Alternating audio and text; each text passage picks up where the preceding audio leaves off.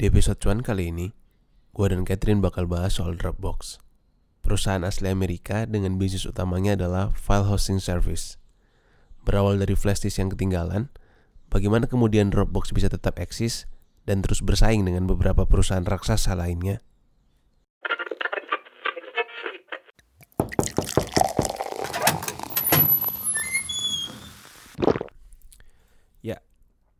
Setelah kemarin kita ngomongin soal Netflix di episode cuan, hari ini gue dan Catherine bakal ngomongin apa nih Cat?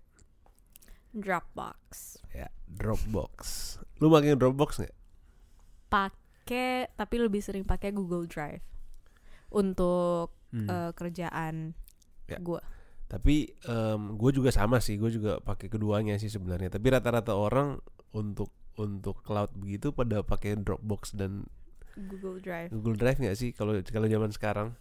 Hmm, Ada OneDrive juga kan sebenarnya dari Mi- Microsoft. dulu sih ya? gue waktu kerja Mm-mm. di eh, kantoran di kantor lama Mm. gue karena kita dapetnya semuanya paket Microsoft jadi pakainya OneDrive emang. Lu tapi lu lebih nyaman pakai apa sebenarnya? Paling nyaman sebenarnya Google Drive untuk kerjaan karena saat ini semua ker- maksudnya semua hal yang gue lakukan itu menggunakan Google. Ya. Sedangkan eh, sebenarnya karena pas mau ngomongin episode ini gue iseng-iseng buka Dropbox lagi kan. Hmm. Nah isinya tuh sebenarnya gue lihat isi Dropbox gue adalah semuanya cuman materi-materi online course yang gue suka ikut dan juga Jad- biasanya materi-materi yang gue pengen pelajarin gitu. Heeh. Nah terus gue explore explore lagi sebenarnya lebih enak Dropbox sih sebenarnya. Kenapa?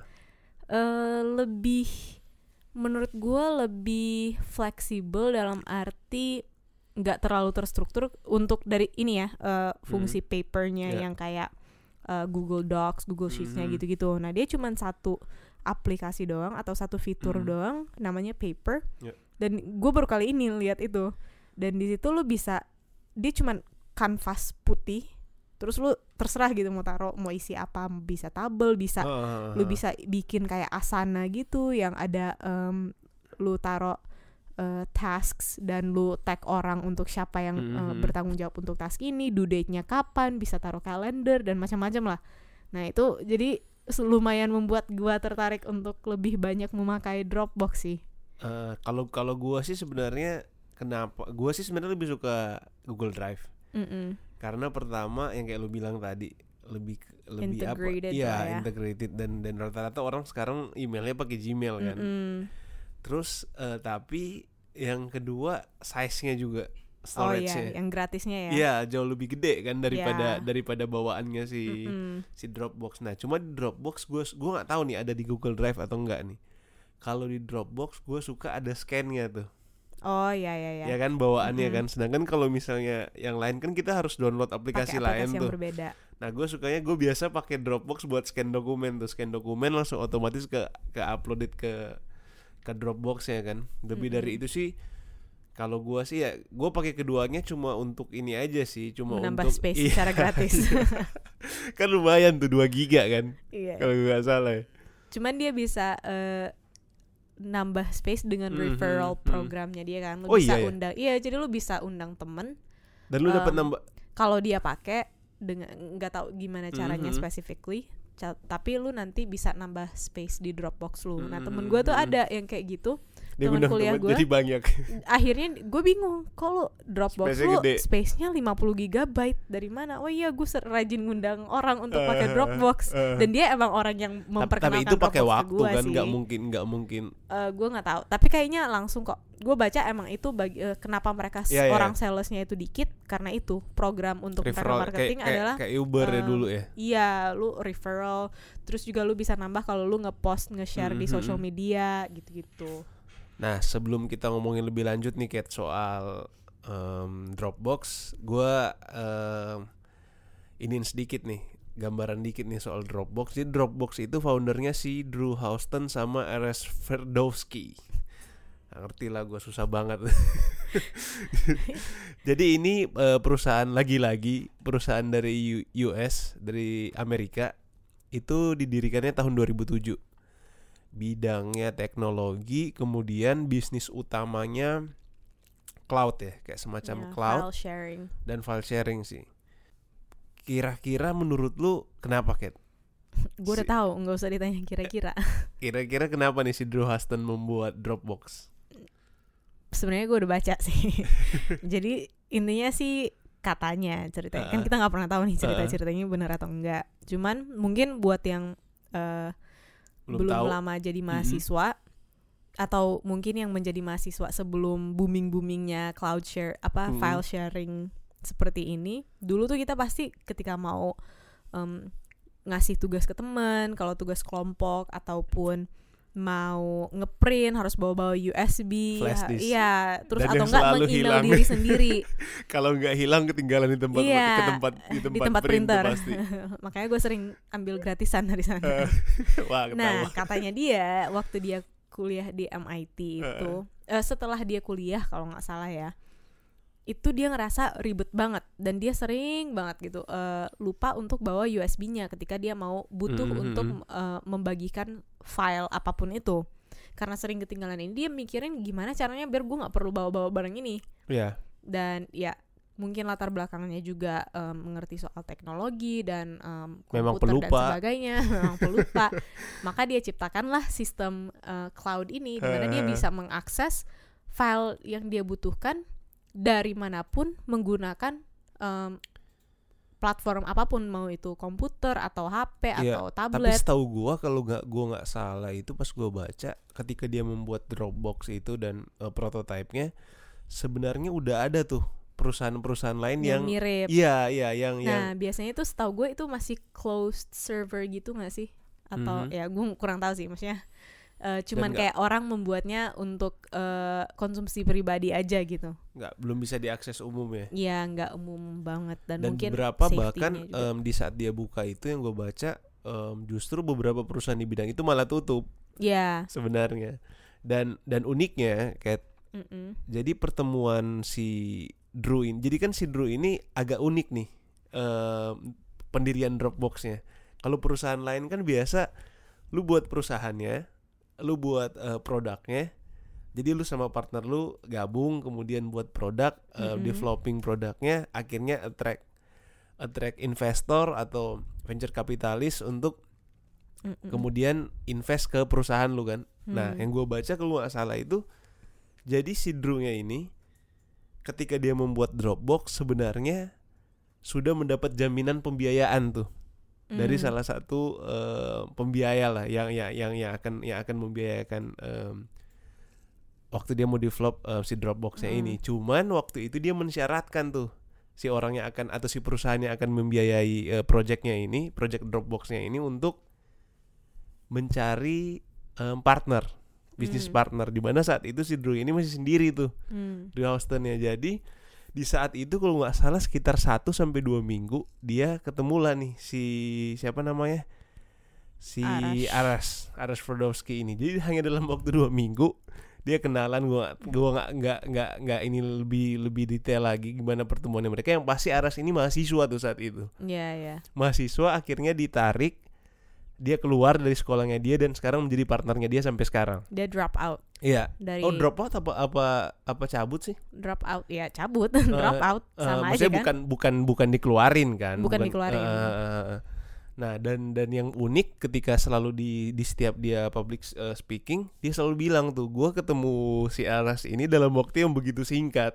Hmm. Ketemu partnernya begitu singkat. Sedangkan kan di beberapa perusahaan-perusahaan lain kan malah dia udah temenan lama kemudian mendevelop ini bareng Hmm. tapi ya sekalipun pada akhirnya beberapa juga cabut sih dan yang unik dari si Drew sama Aras ini malah sampai sekarang mereka masih bertahan. masih bertahan di perusahaan ini Ya mungkin itu karena faktor ini juga kali. Maksudnya Mm-mm. sering kali kan yang pertemanan-pertemanan ini ada ya kalau kata orang-orang don't mix business with pleasure. Walaupun kita lihat sebagian besar perusahaan itu Ah. sebenarnya eh, membangun bersama teman. Nah, di sini Mm-mm. uniknya mereka mereka mungkin gak ada hubungan itu terlebih dahulu. Jadi Iya, lebih iya, lebih iya. bisa menjaga hubungan profesional. Heeh, dan dan sebenarnya gue nggak tahu ya mungkin em, ada juga sih orang biasa bilang bahwa kadang justru lu menjadi nggak produktif ketika lu mengerjakan sesuatu dengan orang mungkin yang paling dekat dengan lu atau yang Hmm, yang punya relasi Iya, lah. karena pada akhirnya ketika lu mencoba membangun hubungan profesional karena rasa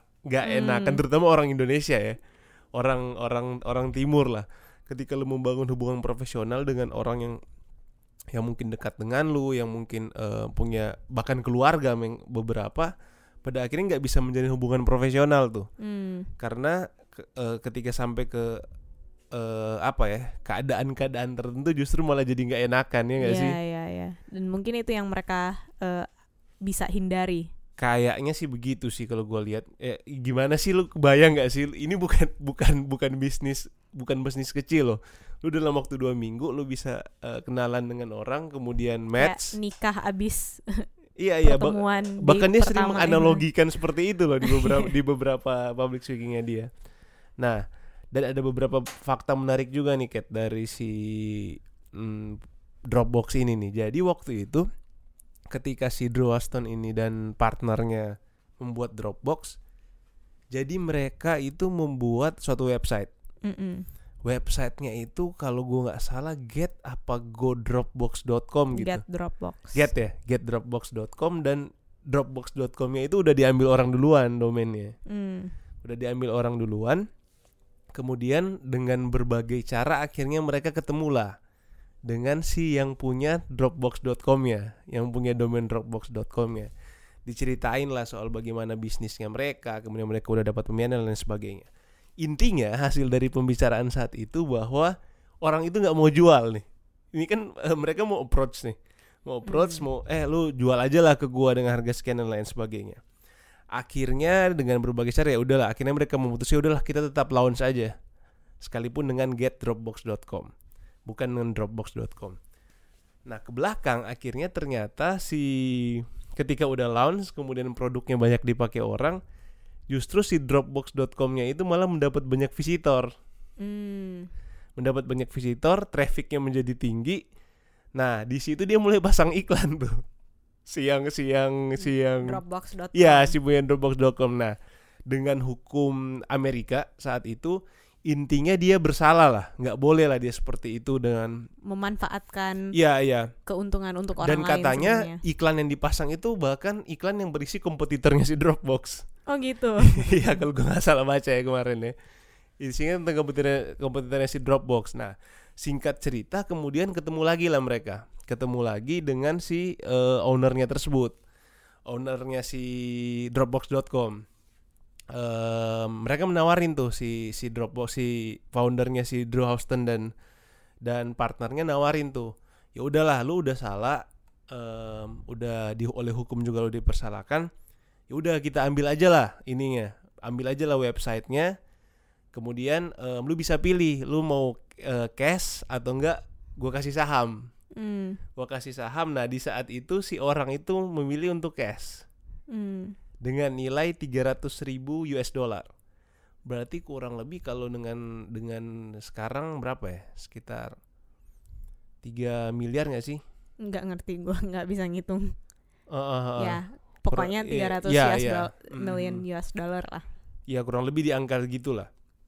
Nah kemudian singkat cerita akhirnya udahlah dikasih eh, websitenya dia ke mereka dan sekarang em, si ketika ditanya wartawan kemudian ketika di beberapa pertemuan dia bilang si Austin bilang kalau seandainya si orang itu memilih saham di saat dia nawarin lu memilih saham atau memilih 300 ribu US dollar orang itu pada saat ini nih kalau dengan valuasi sekarang dia harusnya memiliki memiliki ratusan juta US dollar. Ratusan juta, jangan-jangan 200 juta di bawah 300 juta US dollar dong. Enggak 300 ribu. Kan yang kemarin 300 Oh, ribu. kemarin 300 ribu. 300 ribu US dollar. Nah, si Houston bilang kalau seandainya saat itu dia memilih Iya, bakal berkali-kali lipat lah iya, intinya. ratusan juta loh, Iya. ratusan juta US dollar. Nah, sebenarnya ini ada ada ada ininya juga sih, ada ada Tapi gue yakin semua orang, hampir sebagian Mm-mm. besar orang itu di posisi pemilik Dropbox.com itu ketika ditawarkan dengan opsi seperti itu, kemungkinan besar akan memilih mengambil cash. karena itu apa yang di depan mata kan. Ya betul, Hmm. karena lo harus untuk eh, apalagi mungkin ketika ditawarkan ke orang awam yang tidak mengerti bisnisnya dan Mhm. mungkin nggak bisa melihat investasi dia dalam eh, saham tersebut Mm-mm. akan berkembang seperti apa dengan bisnis Ya. ini orangnya juga dia tidak percaya karena kan kita saat ini eh, berani menaruh saham di suatu perusahaan itu ketika kita percaya perusahaan itu bisa berkembang dan kita udah lihat dan sudah gimana- terbukti eh, eh, perkembangan ada eh, historinya lah nah di sini mungkin dia kan sebagai orang awam dia nggak pernah mengenal ini eh, udah lah, perusahaan yang baru. pasti-pasti aja lah iya yang pasti-pasti aja dan itu sebenarnya udah angka yang cukup besar juga Iya. lah untuk domain kan. kalau dia bisa investasikan dan putarkan siapa tahu ternyata dia menghasilkan uang yang lebih besar Tapi juga ada ada ada apa ya? Ada pelajaran menarik juga sih dari kisah ini. Hmm. Sebenarnya kadang eh high risk high reward. Iya, Ya nggak sih? jelas High risk high reward di mana kalau seandainya itu jumlah yang cukup besar loh perbandingannya. Tapi di sisi lain kita juga nggak kayak lu bilang tadi nggak nggak mungkin nggak mungkin kalau mungkin kita di posisi itu pun di mana Dropbox saat itu mungkin belum belum apa-apa ya belum apa-apa ya mungkin kita juga akan mengambil posisi yang sama Hmm. atau akan mengambil keputusan yang sama tapi yang menjadi pelajaran menarik ialah terkadang apa ya resiko itu penting sih mengambil resiko itu penting. Selama itu juga terukur. Calculated risk lah. Ya mungkin kalau misalnya gue kebayang kayak gini sih mungkin kalau si orang itu melakukan riset lebih. riset lebih dalam aja atau misalnya dia bisa nanya nanya si Houston ya sebenarnya perusahaan lu udah seperti apa sih perkembangannya? Progresnya udah seperti apa? Atau enggak dia minta waktu gue minta waktu satu dua hari dong gue mau riset atau gimana kek mungkin sih? saja juga menurut gue ya dia sudah tahu dia akan melakukan apa dengan uang 300 ribu US dollar mm, mm. itu yang bagi dia akan bernilai lebih ya mungkin untuk ya dia mungkin, ke depannya mungkin. ya anyway nah setelah itu setelah eh, fakta menarik itu ada juga nih Kat, fakta menarik dari si Dropbox di mana jadi setelah itu setelah si Dropbox mendapat pembiayaan kemudian beberapa minggu beberapa bulan sampai beberapa tahun melakukan eh, melakukan perkembangan kemudian meledak banyak dipakai oleh orang banyak didownload oleh orang. Akhirnya itu si Stove, eh, Steve Jobs eh, Hmm, yang eh, pemilik Apple. Iya, pemilik Apple, foundernya Apple menawarkan tuh, menawarkan ke si untuk akuisisi. Iya, dia menawarkan akuisisi dan katanya ketika ditawar itu itu ditolak sama Dropbox ya. jelas dong kalau sekarang Iya, iya, ditolak dan em, responnya si Steve Jobs itu benar-benar apa ya? Dia bilang bahwa oke, lu nolak gua, gua bakal matiin lu. Hmm, Dalam tanda kutip maksudnya bakal matiin bisnis dan tepat kapitalis sejati ketika gua nggak bisa memiliki gue bakal matiin lu Gua matiin lu. Nah, intinya setelah itu ternyata keluarlah iCloud. Iya Beberapa setahun apa dua tahun setelah itu. Sekalipun memang masih nggak bisa membunuh si Dropbox. Mm-mm. Tapi poin penting yang bisa kita pelajarin bahwa yang gua lihat ya em, belum tentu ya pengusaha Hmm. uh, entrepreneur di masa itu ketika mendapat tawaran gue yakin lah nggak disebut sih nilainya berapa tapi gue yakin itu pasti nilai yang gede banget sih tawarannya saat itu dan ketika udah mendapat gue yakin ketika dia membangun komunikasi ketika dia memba- mem- menawarkan diri untuk mengakuisisi itu gue yakin pasti ada bahasa-bahasa yang sebenarnya tersirat yang menyatakan bahwa lu harus ngasih ini ke gue ketika lu ngasih ke intinya ancaman gitu maksudnya dalam tanda kutip ancaman Hmm. tapi tersirat ngerti gak sih Iya. kayak misalnya gua bakal eh, show off bagaimana Iya. kekuatan gua Eh, ini yang gue bayangin ya pembicaraan mereka ya dan dia masih tetap pede dan dan bagi gua ini eh eh, apa ya bagi gua ini keren sih. Maksudnya untuk untuk si Dropboxnya di saat itu. Karena gue yakin Apple udah gede banget sih. Di masa Hmm. itu udah udah brand yang gede banget. Dan siapa nggak kenal Steve Jobs? Iya. Dan ketika dia udah menawarkan seperti itu menurut gua apa ya posisi dan respon mereka yang akhirnya menolak itu dan akhirnya terbukti sih sekarang ketika mereka menolak itu sampai sekarang pun mereka masih tetap eksis dan masih tetap gede sekalipun ada beberapa contoh yang lain kan yang yang ya muncul-muncul Google Drive OneDrive Mm-mm. dan kejadian-kejadian lain di mana ada suatu perusahaan ditawarin dimatikan total dimatikan total dan itu memang terjadi benar-benar mati dan poinnya sih mungkin bagi gue dari sini sebenarnya em, begitu juga dengan munculnya Google Drive, OneDrive, maksudnya Apple, Google, Microsoft ini adalah tiga perusahaan paling valuable di dunia saat ini dan Ya, semuanya ya. itu memiliki sebuah fitur bisnis yang sama dengan Dropbox atau Mhm, dia mengambil em, kunci dari Dropbox ini. Nah, di sini gue lihat salah satu kenapa Dropbox mungkin bisa masih terus bertahan adalah karena ba- bagaimanapun dia adalah yang pertama. Dia yang Hmm. memikir walaupun mungkin nggak pertama dalam hal eh, yang kepikiran ide ini, tapi dia yang mengeksekusi dan membesarkan ini yang paling pertama. Dan dia memiliki advantage itu di mana dia lebih tahu tentang sistem ini. Di mana Mhm. mereka mengcopy, dia sudah tahu kebutuhannya apa dan dia bisa memikirkan lebih cepat untuk perkembangannya. Mm-mm. Ya, memang tidak bisa dihindari sih, pasti mereka juga mampu catch up eventually dan mungkin Ya. mengalahkan. Seperti Google Drive itu mengembangkan sistem uh, kolaborasi secara real time online itu Mhm. dia lebih dulu. Dropbox kalah dalam hal itu, tapi dia mengembangkan kembali kan yang paper ini yang bisa Ya. kolaborasi juga. Mm-mm. Tapi buat gua sih, um, there will always be an advantage for the first one, gitu. Dan Dropbox termasuk Selama Mm. perusahaan pertama itu tetap terus berinovasi Mm. dan dia tidak em, hanya memikirkan bisnis dia saat itu. Kalau kasusnya eh, Snapchat sama Instagram, Snapchat pun saat ini menurut gua sebagaimanapun dia tetap bertahan dan terus berinovasi. Tetap Mm, ada mm, striving ininya lah. Tinggal kita lihat aja sekuat apa dia. dan dia juga sebenarnya mendapat tawaran yang sama kan dari Mm-mm, dari Mark dari ini. Mm. Facebook, betul. Tapi itu Mm. mungkin buat episode lain ya. Nah, bener sih eh, kayak lu bilang, gue juga sepakat tuh. Selalu pasti ada poin lebih untuk perusahaan yang pertama kali memulai. Mm-mm. Untuk perusahaan yang pertama kali menemukan. Nah, poin-poin eh, lanjutannya ialah pertama kali itu atau yang menjadi pertama itu nggak cukup. Iya, betul. Yang menjadi eh, yang menjadi em, poin yang lebih penting lagi, yang lebih penting lagi ialah bagaimana ketika lu udah mendapat eh, poin plus di awal menjadi yang pertama, bagaimana kemudian lu berinovasi. Iya. Karena gue bisa memberikan begitu banyak contoh perusahaan yang, Yang, pertama yang akhirnya mati gitu. perta- yang itu satu pertama kemudian akhirnya mati tapi yang kedua ialah perusahaan yang hanya menjadi follower dalam tanda kutip Mm-mm. tapi akhirnya lebih sukses Yes. daripada Banyak. iya banyak dan itu terjadi di mana pun juga bukan hanya perusahaan loh Eh, personal juga misalnya lu penyanyi atau lu em, pekerja profesional dan lain sebagainya banyak kok yang cuma ngikut si A ngikut si B ngikut si C kemudian akhirnya menjadi lebih baik daripada si A B C yang diikutin sebelumnya dan mendapatkan exposure yang lebih juga. Ya pada pada akhirnya eh, highlight atau garis yang yang harus kita garis bawahi ialah inovasi sih. Iya. Lu menjadi pertama itu oke, itu keren, Dan tapi inovasi itu pun tidak bisa sekedar inovasi. Inovasi yang harus sesuai dengan kebutuhan atau Betul. em, apa yang akan diada Betul, betul. adapt oleh Hmm. market. Karena kita sering sekali melihat inovasi-inovasi perusahaan-perusahaan teknologi yang Mm-mm. sebenarnya tidak sesuai kebutuhan manusia sehingga susah untuk diadapt dan susah untuk Mm-mm. berkompetisi dengan yang lain. betul betul. Nah, em, lebih lanjut nih Kat. Tentu ketika seorang membuat perusahaan itu kan pasti ada alasannya tuh. Mm-mm. Atau enggak kenapa sih gue membuat ini? why-nya. Iya, why? Pertanyaan soal why-nya.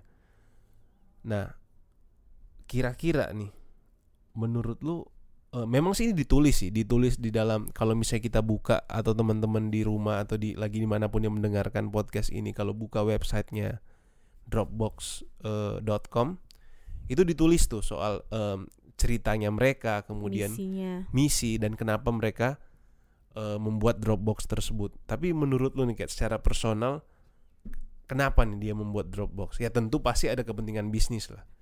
Well, kalau kenapa menurut gua udah agak susah karena gua udah lumayan em, berusaha untuk cari tahu ya Mm-mm, kenapa dia mm-mm, membuat itu. mm-mm, Dan kalau gua bisa ambil garis bau garis benang merahnya, mm-mm, gue lihat sih mereka akan terus eh, fokus mereka adalah bagaimana meningkatkan produktivitas dan juga eh, kolaborasi untuk meningkatkan kreatif eh, untuk mewadahi kreativitas pekerja. Jadi mereka akan selalu memfokuskan semua bisnis-bisnis mereka, terutama Dropbox itu untuk mem, mem- apa ya? meningkatkan produktivitas dan kreativitas sih dan kolaborasi. mm-mm, mm-mm. Dan eh, hal ini sebenarnya gue mendengarkan dari salah satu interview yang mereka lakukan dengan salah satu eh, petinggi di Dropbox, bukan CEO-nya, bukan founders-nya, tapi salah Eksekutif satu lah. ya salah satu pihak eksekutifnya dan dia mengambil uh, dan mereka memilih untuk fokus ke hal ini katanya karena Mm-mm. ada sebuah riset oleh McKinsey Ya. and Company yang menyatakan bahwa 60% dari pekerjaan yang kita lakukan eh, atau waktu yang kita gunakan untuk Hmm. bekerja adalah sebenarnya bukan untuk pekerjaan intinya. Ya ya ya. ya. Maksudnya adalah ketika kita Menarik nih. melakukan sesuatu, Mm-mm. lebih banyak waktu itu kita habiskan untuk mencari cara untuk melakukan pekerjaan itu. Misalnya Mm. kita menghabiskan banyak waktu untuk em, menulis emailnya dibandingkan isi email isi tersebut. email tersebut dan juga untuk eh, mengupload sesuatu atau untuk mengirimkan membawanya membawa surat ke siapa dan sebagainya gitu intinya bukan pada pekerjaan inti dan ini yang Dropbox ingin terus bekerja untuk efisiensi mengurangi lah. ya Kata untuk kuncinya efisiensi dan efektivitas. yes dan untuk meningkatkan tapi fokus dia dan kreativitas itu kan juga disebut di dalam mission statement mereka Hmm, mereka hmm, mau hmm. em, semua orang bisa berkreasi dan itu bisa terlihat jelas sih dari interface aplikasi mereka dari em, fungsi Hmm, si hmm, hmm. paper itu juga Dan outputnya di mana ketika efisiensi, efektivitas, kreativitas itu dikombin, ujung-ujungnya adalah produktivitas ya ya sih. Dan dan itu selalu kalau bisa dilihat di websitenya pun itu em, dimension sih soal soal produktivitas itu ya. dan mereka yang menurut gua lebih keren lagi tentang Dropbox adalah they stick by their values soal kolaborasi ini di mana Mm, mm, mm, sebenarnya mereka kalau lu perhatiin tidak menutup diri atau tidak mengeksklusifkan diri dari Microsoft dari Apple dal- dari Google Mm-mm. dan mereka memperbo eh, ada banyak cara yang mereka memperbolehkan untuk apa ya aplikasi-aplikasi open source yang lu bisa meng-streamline work lu antara Dropbox dengan Google Drive ataupun OneDrive ataupun Ya. em, Yang sebenarnya iCloud. yang notabene adalah kompetitor mereka. iya betul dan eh, ya mereka yakin bahwa kolabor semakin banyak kolaborasi semakin banyak juga ruang untuk orang bisa bergerak Mm-mm. itu akan justru bisa menciptakan inovasi yang lebih Ya. lagi Nah, sekarang kita masuk ke beberapa pertanyaan Kat, terkait. Dropbox yang harus kita renungkan bersama nih. Harus berat kita banget pikir- kayaknya harus kita pikirkan bersama nih. Menurut lu bagaimana Dropbox dan isu soal privasi datanya?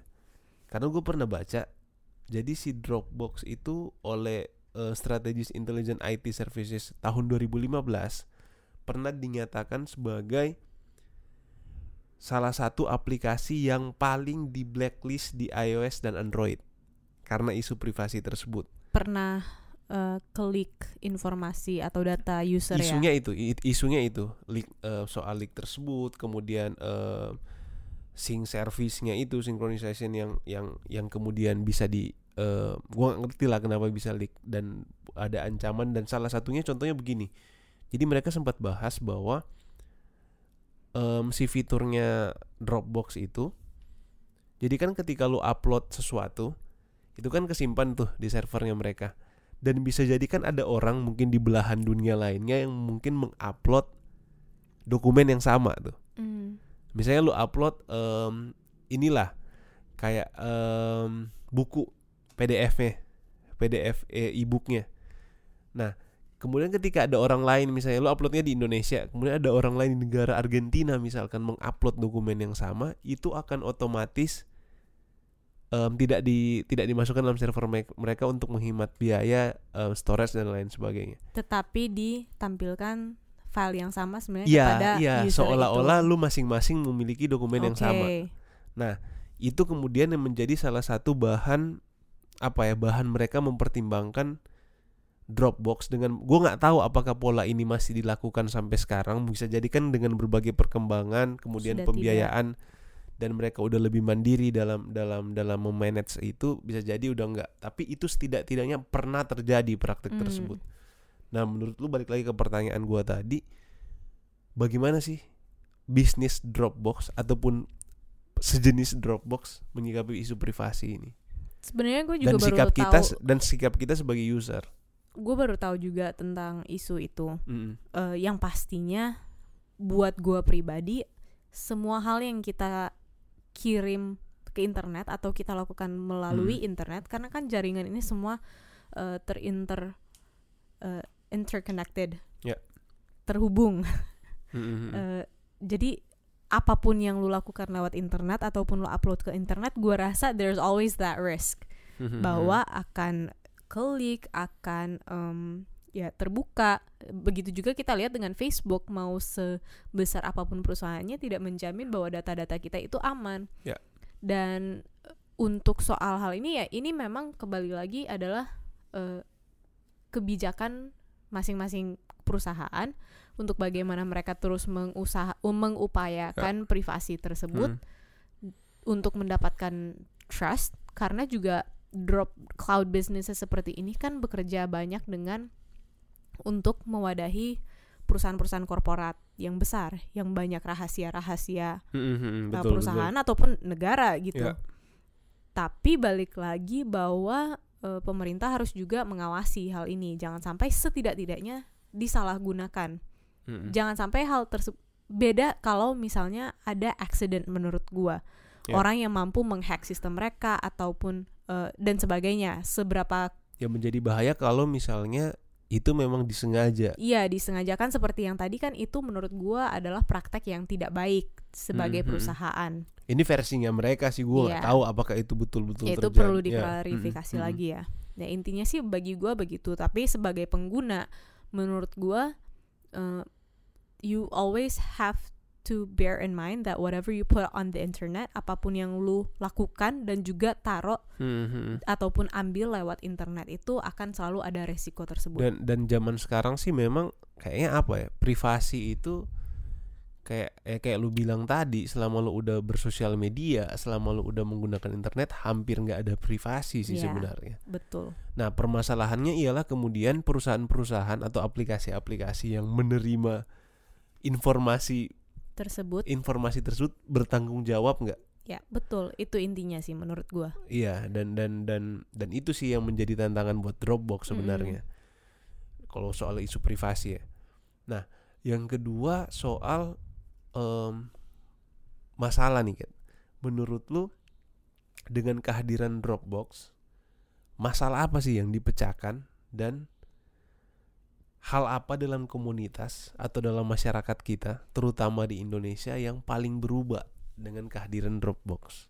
bagi gua masalah yang ingin mereka pecahkan adalah yaitu balik lagi yang kita udah Yang kita- bicarakan tadi eh, soal soal, produktivitas. produktivitas, Hmm. soal um, file sharing karena Ya. itu core business dari mereka walaupun mereka juga gue lihat sebagai korporat itu sudah mengembangkan bisnis-bisnis lain eh, tapi fokusnya tetap adalah produktivitas, kreativitas dan kolaborasi. Mhm. Semuanya fokus tentang future of work. Makanya eh, mereka juga mensponsori salah satu series di TED. TED Oh ya? eh, eh, eh, mereka mensponsori series yang nama judulnya gue juga suka banget seriesnya eh, The Way We Work Mhm. karena mereka itu pengen terus menjadi perusahaan yang mewadahi dan mengikuti perkembangan eh, cult- work culture kita di dunia ini Mhm. dan bagaimana mereka sebagai perusahaan bisa mewadahi kebutuhan-kebutuhan kita dalam bekerja. Mhm.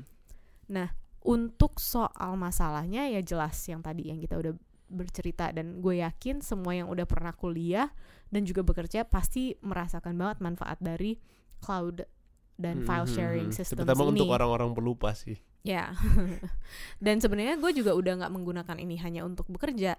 Misalnya gue menggunakan untuk eh, khususnya Google Drive untuk hal pribadi, dokumen-dokumen pribadi gue yang sebenarnya agak bahaya juga sih. Tapi seperti kemarin gue masuk ke rumah sakit, gue lupa bawa dompet. Tapi untungnya semua KTP, BP, Udah kartu BPJS semua ya. semuanya gue save versi online-nya agar bisa Mhm. eh, gue tunjukkan nantinya dan ya Mhm. walaupun belum selalu bisa diterima tapi setidaknya ada backupnya nah untuk perubahan menurut gua kita bisa bekerja lebih efisien Ya.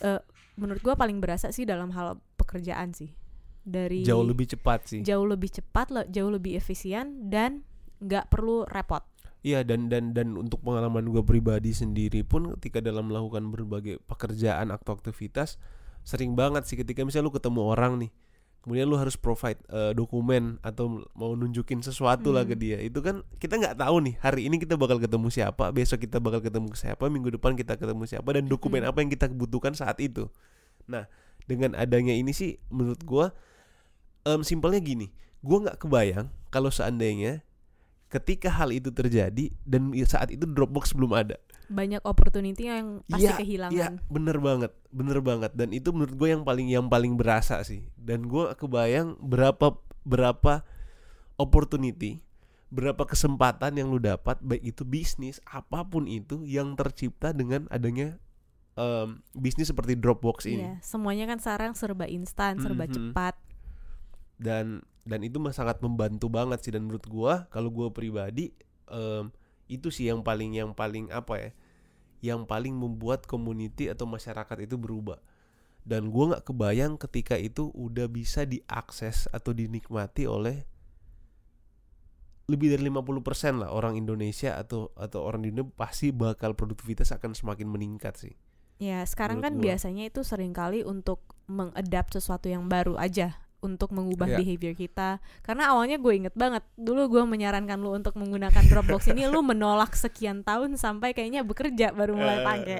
Eh, Sedangkan- nggak kuliah udah gue udah sempat pakai tapi kayak yang cuma ya pakai pakai Sekedar-sekedar gitu. Gue kayak merasa lebih ah pakai flash disk aja lah. Masih konven. Nah, itu hal yang Karena susah karena gue berasa karena gue merasa saat itu ialah gue harus adapt lagi nih.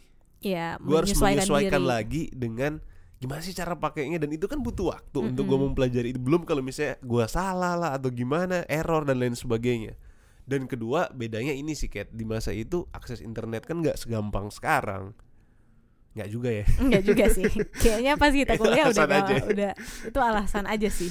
Eh, Tapi memang selalu akan ada kelompok yang eh, berani memulai atau bisa melihat convenience-nya terlebih dahulu dan ada juga orang tipe orang-orang yang harus terpaksa dulu baru menggunakannya. Kayak misalnya Mhm. dengan saat ini hampir nggak mungkin lu nggak menggunakan fasilitas-fasilitas ini karena kalau nggak lu nggak bisa berhubungan dengan rekan-rekan kerja betul lu. betul betul pada akhirnya lu untuk orang-orang yang tipe kayak gua ya yang misalnya yang nggak mau eh, berusaha adapt dan lain sebagainya dan mengadaptasi diri dan lain sebagainya itu Terpaksa harus adapt. ya ketika dihadapkan dengan keadaan yang lu nggak ada pilihan lain nih. Iya, karena semua orang melakukan pakai atau nggak pakai. Ya kan? Nah balik lagi sih ya bagi gua sih itu sih yang yang paling berpengaruh Hmm. terhadap komunitasnya. Nah ini untuk bisnisnya nih Kat.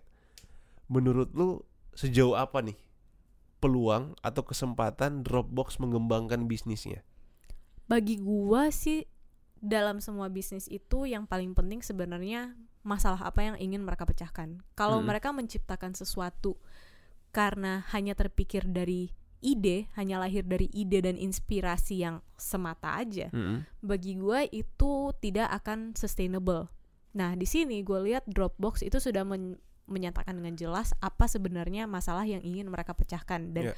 apa yang mereka akan selalu lakukan uh, atau arah apa yang mereka akan ambil untuk mengembangkan bisnis mereka yaitu kembali lagi tadi produktivitas, kreativitas, kolaborasi dan mereka akan terus mengikuti perkembangan perubahan uh, work culture dan work behavior manusia untuk Mhm. bisa terus uh, facilitate to our needs.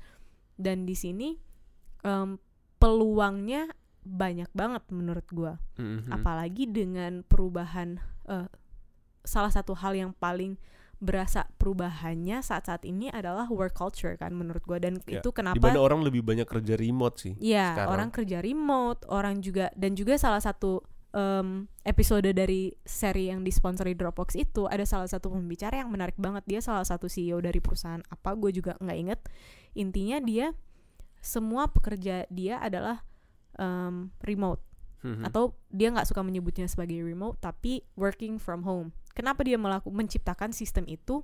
Karena dia menyadari kalau dia mau bikin perusahaan ini eh, dengan orang harus datang ke kantor, sedangkan perusahaannya itu kayaknya perusahaan teknologi gitu deh. Eh, resources dia itu terbatas. Orang-orang yang bisa masuk di dalam perusahaan dia itu poolnya kurang lebih sama dengan orang-orang yang akan apply ke Silicon Valley dan sebagainya. Ya. Sedangkan dengan dia menciptakan sistem kerja yang working from home ini, dia bisa membiar dia bisa menggali talenta-talenta yang ada di Jepang, em, di Moskow, di mana pun itu. Eh, Mhm. Tetapi Mhm. bagaimana dia menciptakan sistemnya itu agar mereka bisa bekerja bersama dengan dia, tapi tidak harus di posisi tidak terbatas dengan geography Mhm. dan menurut gua ini peluang yang sangat besar karena aside from that dengan adanya automasi dan sebagainya cara kita bekerja dan em, juga kerjaan-kerjaan yang available itu semuanya mulai shift ke arah-arah yang lebih kreatif, ke arah-arah yang lebih uh, membutuhkan pemikiran kritis, soft skills dan ini semuanya adalah uh, area-area yang ingin dimasuki oleh Dropbox dengan pengembangan bisnis apa pun. Ya.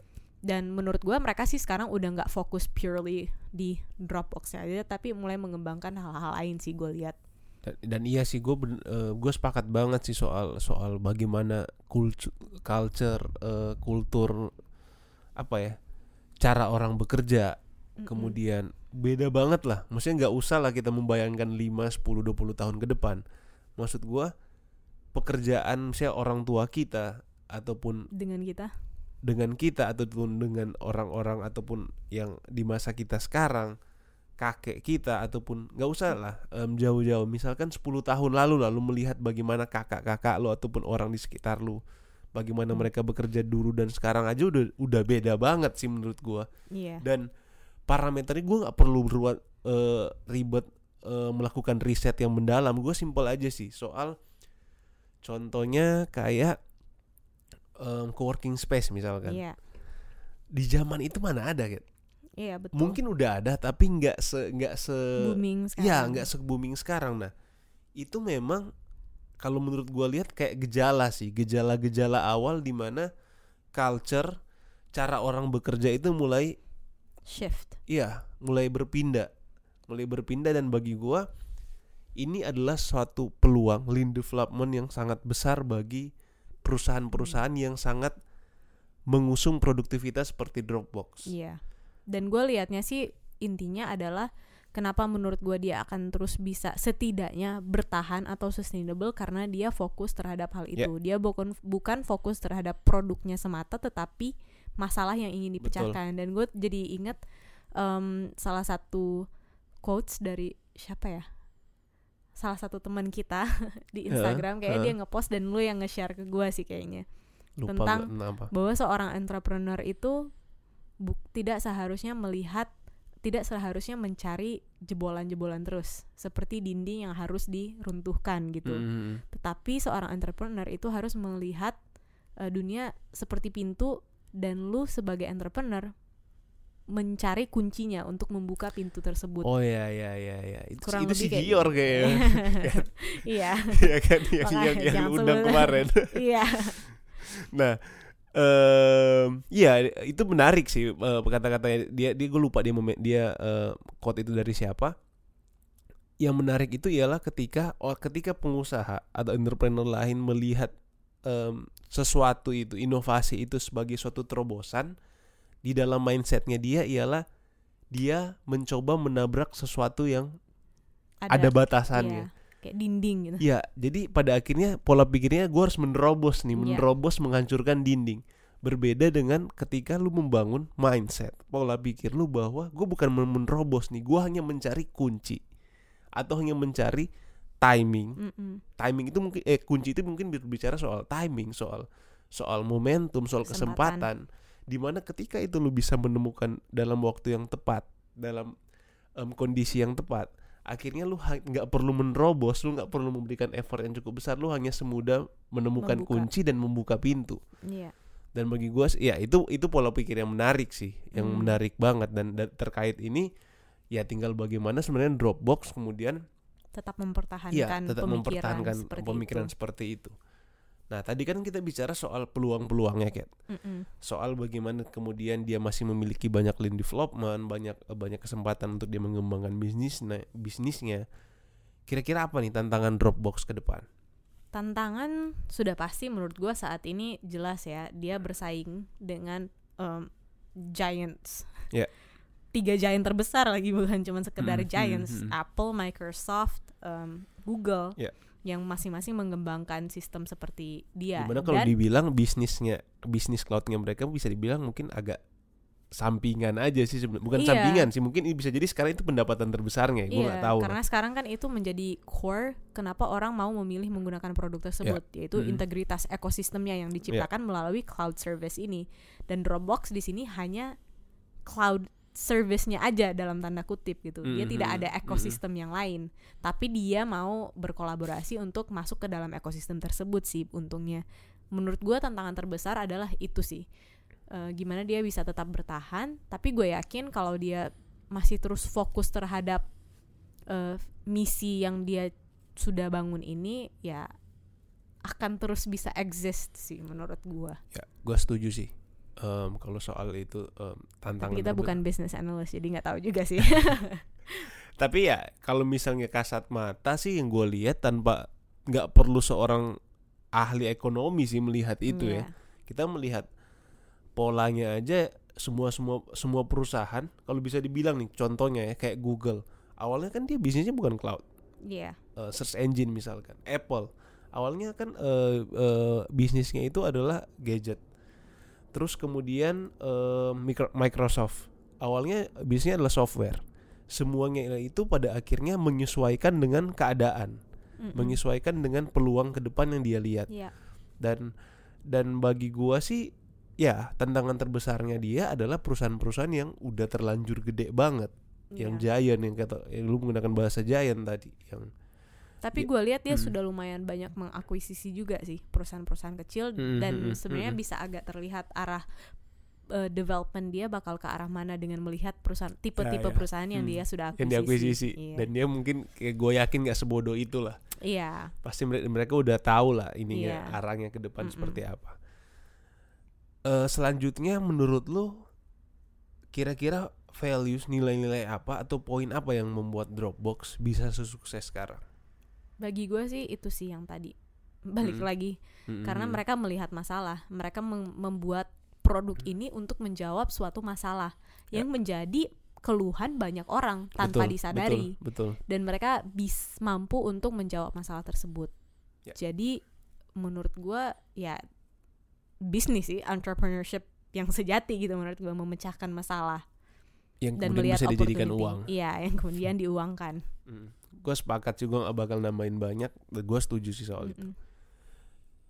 apa inspirasi terbesar atau kisah inspirasi terbesar yang lu dapat dari Dropbox Bagi gue sih bagaimana gue melihat dia tetap berpegang teguh pada misi yang dia atau masalah yang dia ingin pecahkan di awal. Ya. Dari awal itu dia mau membuat segala sesuatu itu lebih simple, lebih agar orang tidak terhambat untuk lebih kreatif, untuk lebih Ya. produktif dan untuk Mhm. bisa berkolaborasi lebih. Dan em, bagaimana juga dia melihat peluang Hmm. sebenarnya eh, dia sudah ada sebelum dia dibutuhkan secara masif setidaknya. Mungkin hanya beberapa orang yang membutuhkan jasa seperti dia saat Mhm. itu, tapi dia sudah melihat peluang dan sebenarnya ini berlaku untuk semua em, perusahaan-perusahaan teknologi Ya. zaman sekarang sih menurut gua. Mhm. Cuman mungkin Dropbox ini lebih relevan misalnya dibanding dengan Netflix karena Netflix kayak lebih sesuatu yang tersier gitu, gimana ya? Tapi Hmm, Dropbox ini udah menjadi bagian dari untuk sebagai Kebutuhan seorang utama seseorang ya. yang bekerja itu salah satu kebutuhan utama service-service seperti ini. Ya, kalau dari gua sih yang paling menginspirasi gua adalah keberaniannya dia sih. Hmm.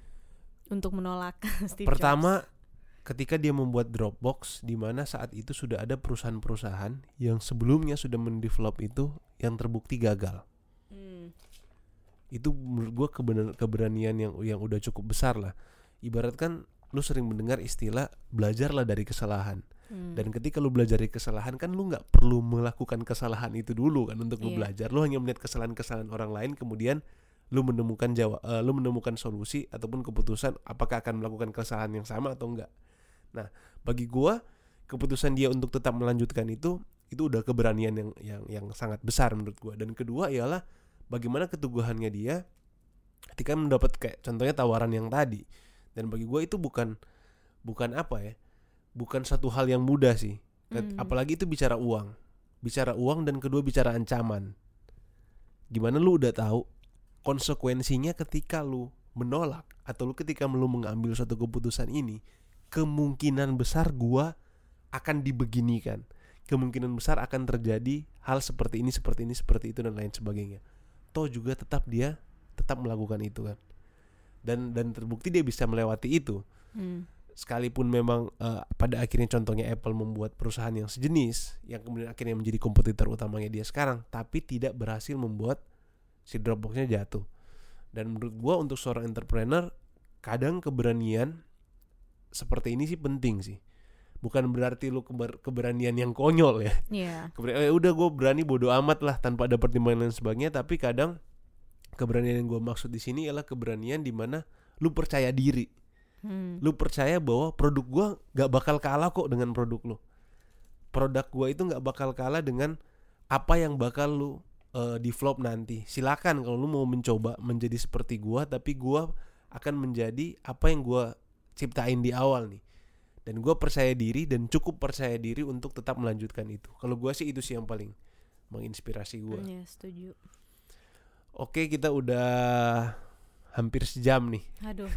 50 menit ngomongin em, soal Dropbox dan kita harus mengakhiri eh, episode ini dan untuk eh, teman-teman yang mungkin punya usulan atau punya masukan terkait episode cuan ini baik itu masukan terkait eh, episodenya ataupun masukan mengenai kira-kira perusahaan apa sih yang seharusnya Kita bahas. kita bahas, kita omongin, kita pelajari bersama. Bisa email ataupun bisa eh, direct DM ya dari message ke Instagram kita at oneside.id. Oke, sampai ketemu di episode selanjutnya.